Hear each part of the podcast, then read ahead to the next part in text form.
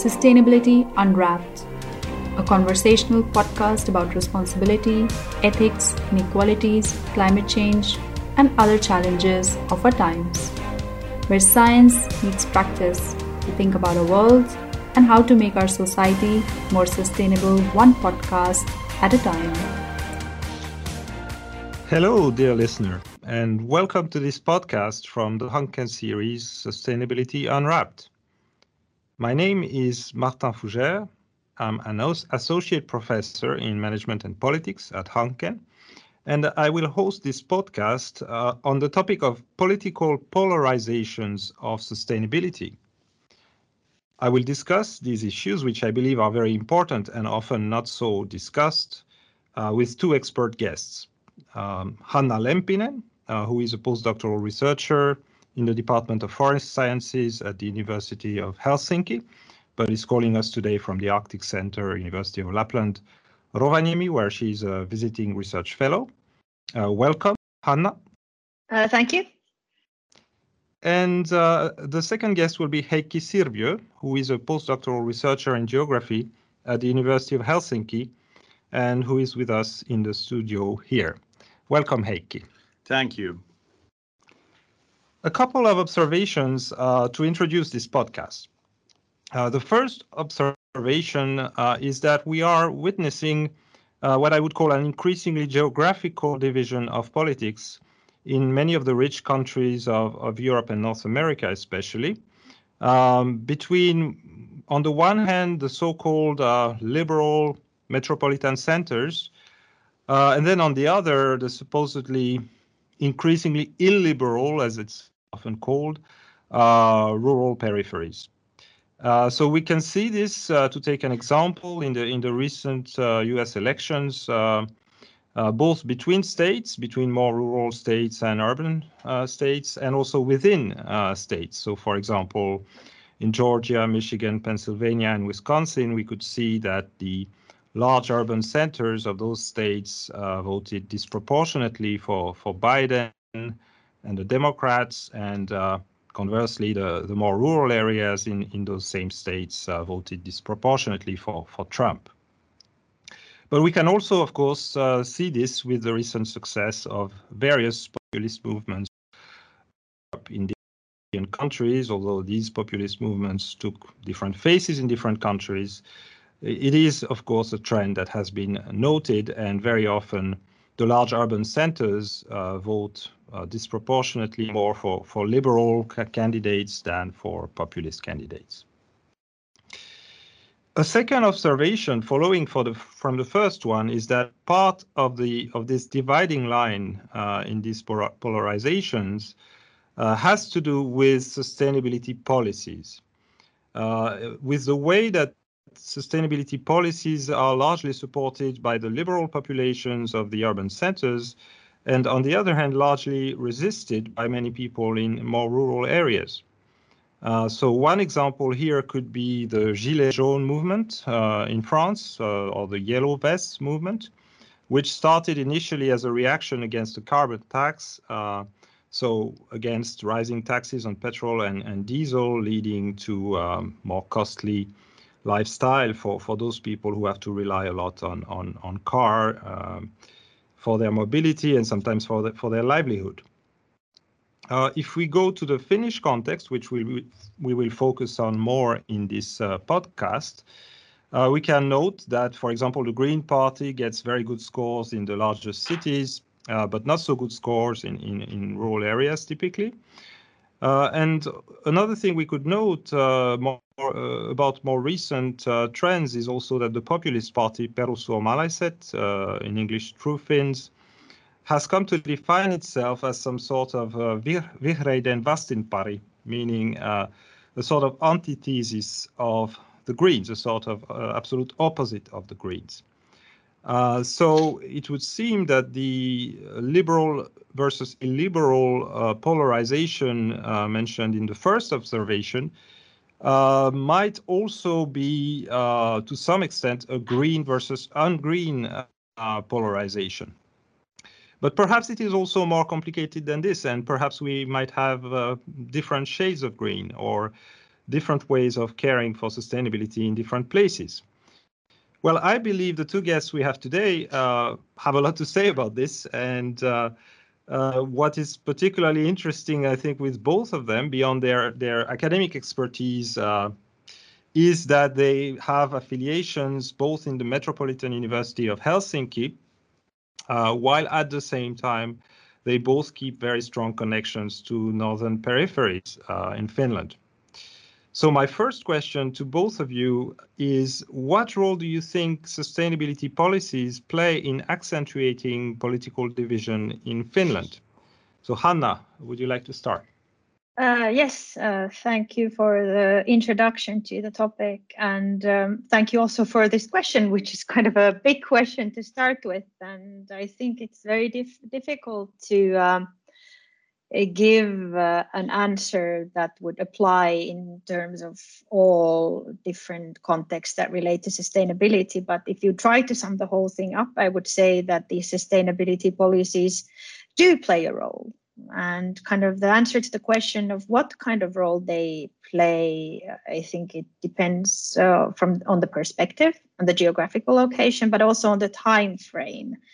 And um, the time frame uh, within which these um, uh, questions are addressed. And uh, for example, when we're looking at long-term sustainability policies or sustainability policies aimed at uh, aimed towards reaching certain kind of long long-term goals, such as into context of climate change, it's this. Uh, of course, the end result or the end result that we're aiming at is for the benefit of all of us. But the ways in which the impacts well, both in terms of benefits and harms and losses, how they're allocated now in the shorter shorter term. I think that's what that is what has the potential of accentuating these div divisions.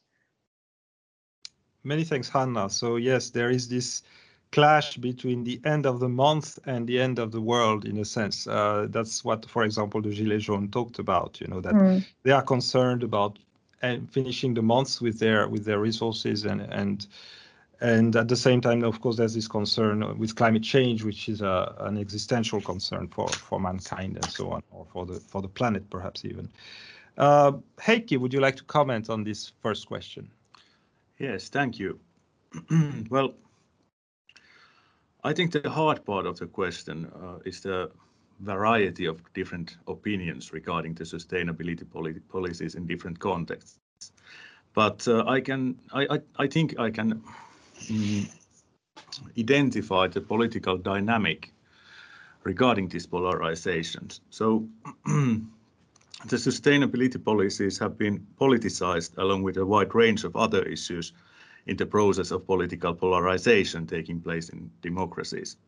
First of all, uh, if we identify those political forces that have taken the initiative in environmental issues as Greens, they have successfully politicized the environment and made it an issue on the political agenda since at least the 1980s. Uh, this means that every political actor nowadays has to articulate some kind of environmental policy and be prepared to deal with environmental issues while, while doing politics. And what has been happening lately is that uh, the so-called nationalist populist parties have found a way of mastering political support by challenging the sustainability policies as articulated by the Greens. And during the last parliamentary election, the Perussuomalaiset successfully politicized the ambitious environmental policies as climate panic, uh, thus setting the terms of the debate for other parties. And the consequence of this was that also other parties took a step back from articulating ambitious climate measures. And this furthered the polarization between political right of center and left of center. And the environmental issues got framed as part of the so-called red, red green agenda. So the reason why it is so easy to gain political support by criticizing sustainability policies is to my mind at least twofold. First, I would say that the processes and prospects that make the sustainability policies necessary are horrifying. Yet they are not acutely felt at the moment because the majority of people in Finland and comparable contexts are rather well sheltered by functioning infrastructures. Still, the prospects of climate change incent discomfort and fear. And given a choice, like in democratic politics, between a policy that says we should radically alter our mundane practices at significant cost, and a policy that states that we can hold on to what we know, preserve our economic interest, and do nothing, the chances are that the latter prevails, at least until the ensuing crisis makes it utterly implausible. Thanks, Heikki, for this very interesting uh, perspective that complements also Hanna's uh, very interesting perspective on, on the question uh, in the Finnish context. Um, so there's uh, this question of the opportunism of the, the party, the Perussuomalaiset, uh, in this particular case, is, is very important in Finland to perhaps uh, accentuate this polarization.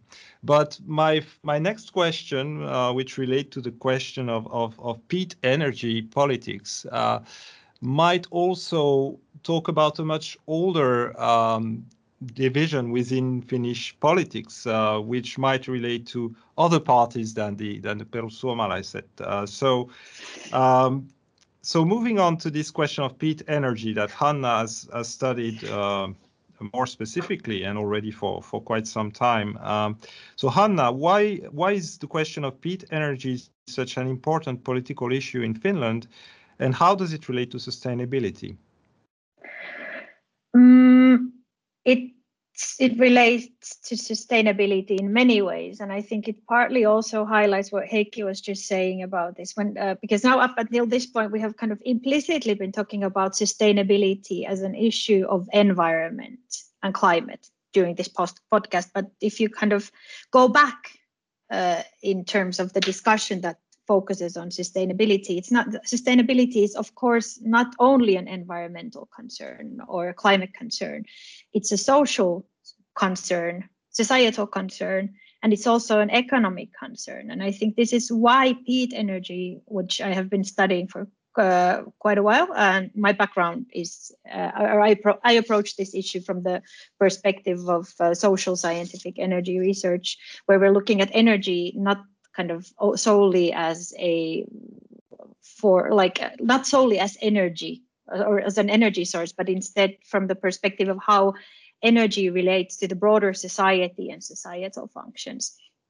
And I think when we're looking at peat, uh, many it's a very good example of sustainability dilemmas in the sense that it's a question that looks very different from the perspective of different actors and from the, from different levels where we're whether we're talking about the local scale or the national scale or the broader global scale. And it's also a question where different sustainability perspectives clash because when we're looking at the economic impacts uh, it's been traditionally considered as an important factor in our national economy. Uh, when we're looking at the so- social or socio-economic factors it's traditionally been an important uh, source of employment uh, especially in areas that are otherwise already plagued by high unemployment rates. But then again, uh, it, its environmental impacts are detrimental. Uh, we're looking at the local um, impacts on ecosystems, on marshlands. Uh, we're looking at the impacts on waterways, local water damages, and then most recently, this whole question of uh, climate change, which really has been introduced to the national peat debate only in during the uh, 21st century, since the beginning of beginning of 2000s, where we're not looking at peat anymore from the perspective of a national special concern or a local environmental concern, but instead of uh, as a part of this larger picture of combating climate change uh, globally. Yes, so so it it kind of uh, uh, shows the tensions between different different ways of thinking about sustainability, uh, sustainable livelihoods in a sense versus, and also perhaps energy independence or or relative yes. Uh, local energy production versus uh, you know these these kind of climate change concerns and other uh, other environmental concerns um, of the day, of course, which are which are really uh, uh, about alarming alarming processes to to to the environment. I mean, uh, alarming impacts on the environment. Um, why, yes, why is it such an important political issue, though, in Finland? So, how does this translate into a political issue? Mm, uh, there are also, there are many answers to this question. Uh, one of them is kind of historical in the sense that uh, peat marshlands and kind of clearing peatlands and forests for uh, for uh, clearing peatlands for industrial use and taking them to industrial use played an important part in the process of modernization of Finland. Um, it's also it, this whole kind of peat industry was a tool of uh, national politics in the sense of um, national developmental politics, uh, especially in the rural areas. And uh, it's also an issue that uh, as uh, that in contemporary politics has created dividing lines between different political parties. And today, uh, well, historically, it's been kind of a, a dear issue for the Centre Party of Finland. But I think in today's politics, the True Finns is the only party that absolutely supports continuing peat use for energy production. But it's uh, national. If you think about why it's a political issue, so many different interests interests come into play in the context of peat. We're talking about jobs, creating jobs. We're talking about uh, creating our or making our own energy that we use. That we're talking about. We're talking about producing it here in Finland instead of uh, paying for it when we are importing energy. Uh, we are talking about, of course, uh, energy independence, reducing uh, dependence on imported energy sources. Um, we're talking about so many different aspects at once. That's in un, unavoidably, inevitably a political issue. Yes, and a, and a highly multi multi-layered one, as as mm. you're showing. Uh, Heikki, would you like to comment on on this? Yeah, I think there's a strong symbolism in, in marshlands. Marshlands translated to poverty in Finnish imagination during dur, during the time when when people depended on agrarian livelihoods. Marshlands were poor and cold, and uh, somehow during the modernization, uh, the idea developed that they have to be put to use. So I think this is one of the aspects that is for some people it's very very hard to let that go, so mm. to say. In energy terms, my impression is that uh, harvesting peat for energy production requires significant energy outputs, fossil energy outputs. Uh, and as such, you could make good arguments that it's not not very productive or, or very very beneficial given all the problems associated with it. But uh, one aspect is this strong symbolism, and uh, actually, in my mind, it ties to the question of regional development mm. and the decline of rural areas. So, uh, you in your introduction, Martin, you uh, talked about this liberal illiberal divide between uh, urban centers and, and rural areas.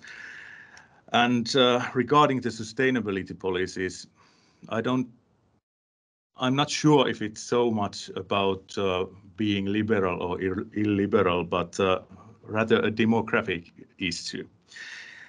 The young and the educated dwell in cities, whereas rural areas are aging as part of their decline. And uh, this, this has a strong strong influence on the on the attitudes of people towards questions like this. And also the populist popul pop politics that question the need for ambitious sustainability policies gain support against the backdrop of wide and rather justified discontent in the rural areas. The relative rural decline that I mentioned is a result of complex combination of economic dynamics and public policies that, as a side note, needs to be studied and identified much more carefully. The main driver of this decline of smaller urban agglomerations and rural areas in Finland have been the neoliberal policy reforms and austerity politics that are designed to serve the dynamism of knowledge-intensive economy. And, and con concentrate the development efforts and investment in major cities. The industrial and rural communities in Finland are dependent on livelihoods that are less productive than the ruling sector of the economy, and they are dealing with problems of financing public services for aging populations. When you introduce policy measures that challenge the livelihoods of the communities that already perceive themselves to be in a precarious situation or increase the cost of living, it is bound to raise discontent. And regarding the style of politics, if you do this uh, in an arrogant tone and with disregard to the concerns of the people, it fuels anger, I would say.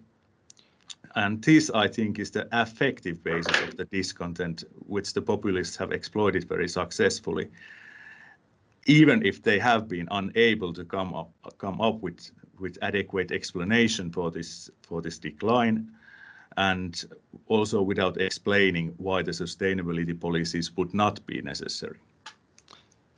Thanks, uh, Heikki. Um, so Can I just quickly yes, please comment on what Heikki, yeah. said? I'm sorry, because it's exactly this historical and symbol, the, the meaning that uh, Heikki referred to as the symbolic meaning of peat, and what I refer to as the historical role that peat has. That's the only way, kind of, how to understand how it is such a big issue here. Because if we are looking at peat energy, it employs directly only about a bit more than 1,000 people currently. Uh, peat contributes only to around 4% of our national energy consumption. And at, it's also its production is already subsidized to keep the kind of the system going. And at the same time, peat combustion, that we're burning peat for energy, it contributes to more than 10% of our annual greenhouse gas emissions.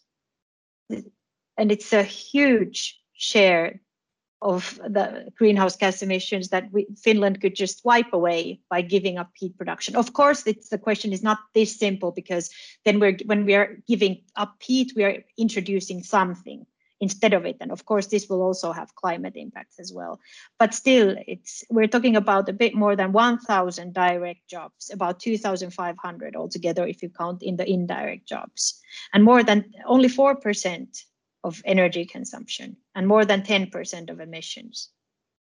So against these numbers, it's really kind of you have to have a, you have to understand the symbolic and historical meaning in order to understand why it is an issue here. Exactly. Uh, so so it's um, these symbolic meanings uh, shouldn't be underestimated, and and and mm. as uh, as Heikki showed, uh, they can lead to anger when when there's a perceived arrogance of of the uh, you know the, the the policies that come from the center the liberal center so to speak again. And uh, i think this of course this liberal versus illiberal um, uh, way of, of, of framing things is itself of course a problem because i fully agree with heikki that uh, you know being deemed illiberal itself can could make people angry just just by itself. I mean it's a way of disqualifying people. It's a way of of of saying they are morally wrong as well. They are not part of this of this liberal society that values all kinds of of of, of good values of freedom and and so on and and and nowadays sustainability.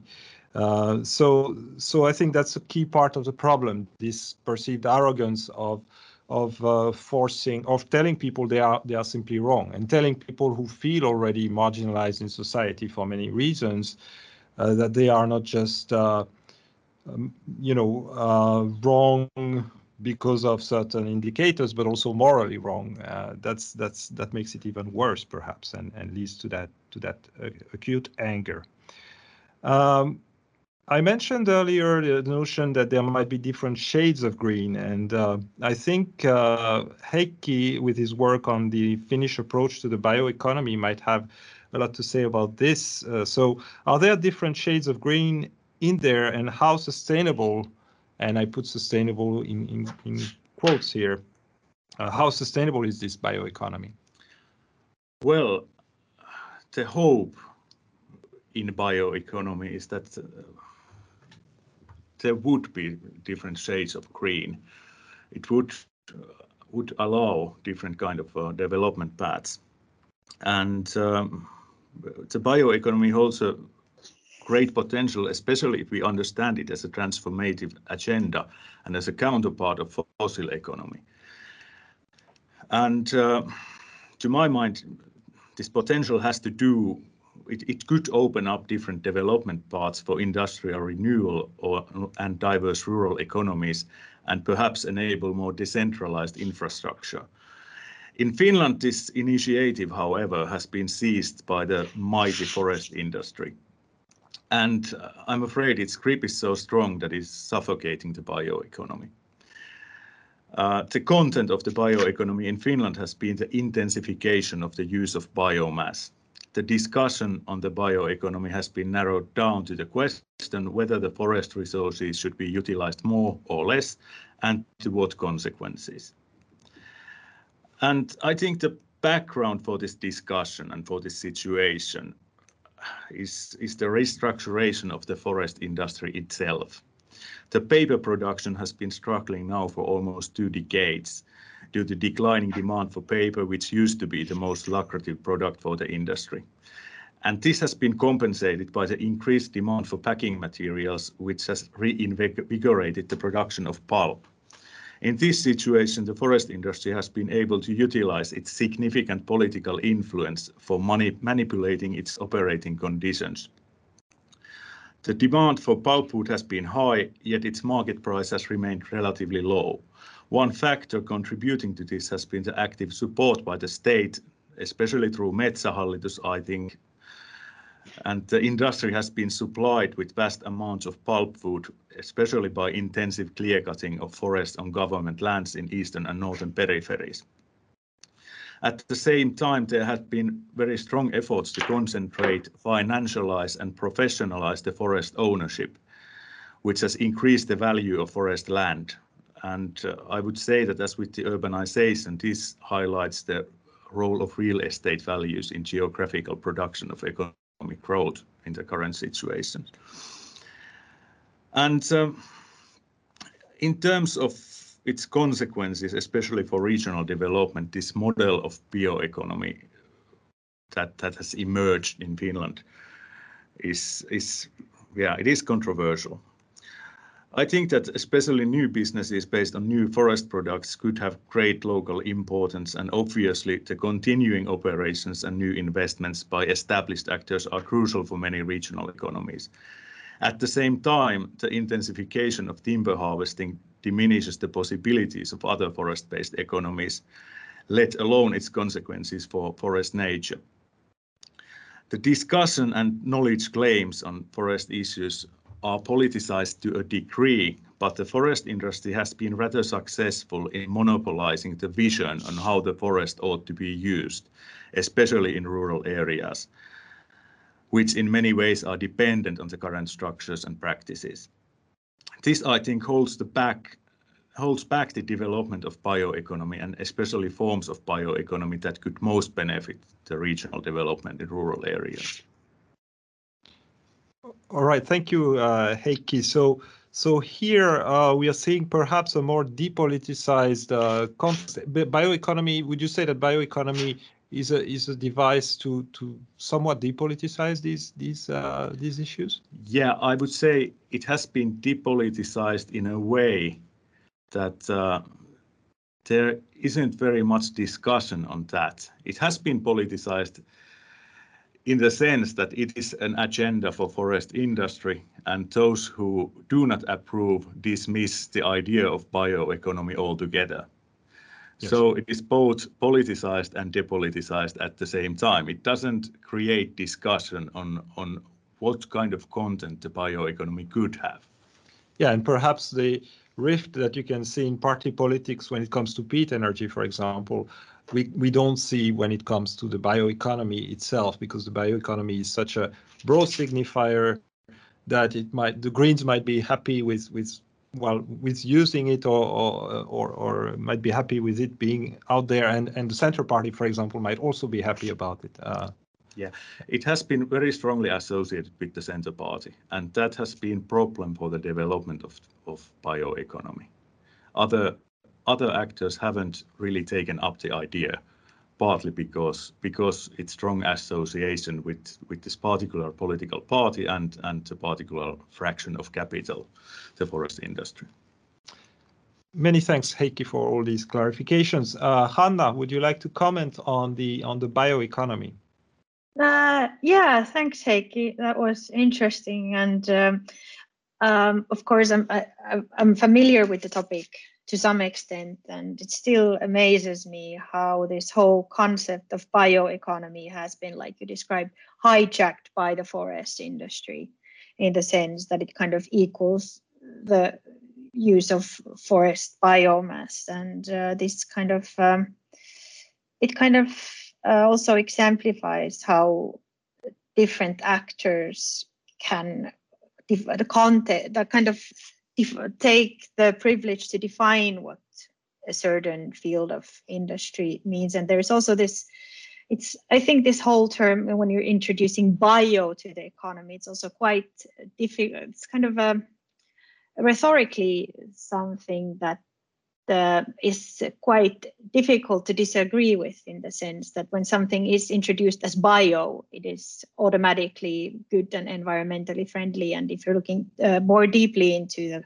practices of the forest industry uh, under the umbrella of bioeconomy, then again, many sustainability concerns could be raised. And there is, of course, all those, all, of course, all this question of how we define the bio or what we include as bioeconomy. And for example, the peat industry and lobbyists of peat, the peat industry have been very fond of the idea of including peat under the headline of uh, bioenergy because they perceive it as renewable. And even though the cycle of renewability would extend over thousands of years, but still, mm, as long as you do this certain kind of discursive acrobatics to a certain extent, then you do reach this conclusion. But um, I, I, kind of do agree that the dominance of the forest industry, uh, kind, it's uh, it's uh, it kind of um, prevents other actors from taking part and hinders the development of other products that would also be uh, more environmentally sustainable than the products that are being created now. Thanks, Hanna. Um, I don't know if Heikki has further comments on this uh, at this point, or or. Uh... Well, I could still say that the concept of, of bioeconomy, like, like Hanna remarked, is somewhat suspect in many ways. I think it was introduced as, as an answer to the limits of growth discussion so, so the idea was that uh, relying on something that you called, could call bioeconomy and, and the re renewable resource basis, you could uh, continue, the economic growth could continue ad infinitum. Mm -hmm. And uh, this idea is problematic in many ways, although I think that the bioeconomy also has rhetoric, rhetorical potential and and it could could be used in, in, in also in beneficial ways. But so far we have rather little evidence that this would have happened in Finland. Although I must say it is a transnational policy idea and, and it is given different kind of interpretations in different contexts around the world. So, so it is it is interesting to see what what will happen with with the bioeconomy in different contexts. Yes, so there are there are different discursive uses, and and to use Hanna's uh, word, uh, Hanna's excellent uh, metaphor, discursive acrobatics going around uh, this question of bioeconomy. Um, and as you say, uh, Heikki, uh, there might be also some potential with uh, these types of discursive interventions. There, that might be one way of breaking the deadlocks that we are uh, witnessing. I mean, if I if I were to summarize a little bit what we've been talking about uh, and in terms of deadlocks, so I think there in a way there are two two different deadlocks here. One is the deadlock of struggle over, for example, the peat energy question, where you know there there's a feeling on both sides that both sides are are in in the right uh, for for for different reasons and based on, on different understandings of on of sustainability. Um, Uh, so there is that kind of deadlock, uh, which is very difficult to break because it is polarized uh, along party lines, along also geographical lines. Uh, so that's a very difficult deadlock to uh, to break. Another deadlock we are seeing with the bioeconomy is the kind of capture of the of the discourse by by the forest industry to some extent by the center party. Um, so that's slightly different, but uh, in a way it's also a deadlock. Uh, so in order now to wrap up the, this podcast, uh, I would ask you perhaps to to think about what could be a way out of the deadlocks that you have been uh, describing. Um, so a way that would lead to potentially desirable sustainability outcomes and perhaps to mitigating polarization in, in society. So Hanna, what would you say? Hmm. Mm, I would say that uh, these kind of deadlocks or conflicts of interest in dif- between different actors and different levels they are they will not be completely avoidable. They, they are an inevitable part of the process where so many different actors are involved. But so what what then becomes important is the explicitly acknowledging this. And also explicitly acknowledging that the benefits and losses, especially in the short term, uh, they will be distributed in in sometimes surprising ways in different communities and between different actors, and that these should be this these should be fully acknowledged, and also that these losses should be compensated for. And another thing relates to the time frame that these transitions or these uh, sustainability policies should be well planned and this planning should take place well in advance. And for example in the case of peat this has not happened. You only need to go about 10 years back when peat producers and peat harvesters were still encouraged to make investments. And they have and some uh, actors in the society are still lobbying the use of peat and i think there is a lost opportunity for like a just transition and well planned policies. And and so that these kind of the impact if you plan well ahead you if you act proactively and uh, that gives you time to kind of develop the mechanisms to alleviate these uh, inequalities that these policies will inevitably produce. And it also gives you time to engage the ones that are the most affected in the planning of these policies. Uh, these will not lead to a situation where you know everybody would be happy and no there would be no conflict or no tension, but it at least provides some ground or to achieve a outcome that the different par- parties would be more happy with. Thanks for these excellent suggestions, uh, um, Hanna. Um, yes, I think the one one issue with the perhaps inability until now to to plan these sustainability transitions very well might have to do with the party politics themselves and the strategic mm. uh, and opportunistic uh, approaches from from well from many of the parties actually it's not only the populist so-called populist parties that that have those strategies uh, and so these these political dynamics themselves might might make it more difficult. But of course, in a country like Finland, where there is this coalition culture and and uh, this way of working together, we we can hope that uh, it's possible to actually plan those transitions. Uh, uh in a in a better way. Uh, the question of compensation that you mentioned as well, I think, is very important. It's one that for example, in relation to carbon tax, has been has been mentioned many times. Uh, you know, if you introduce a carbon tax without any compensation to those entrepreneurs who are suffering immediately from this, uh, then of course you have, uh, well, in the French context, you have a, uh, an upheaval on your hands, uh, the, the gilets jaunes. So, um, yes, Heikki, what takeaways would you would you have? What suggestions would you have? I think these deadlocks are very political in nature, and they will be resolved in, in and through political struggle. And uh, what would be needed now? I agree with Hanna. Well planned, well planned agendas would would help a lot. But you would also need to, well, win the people on on their side.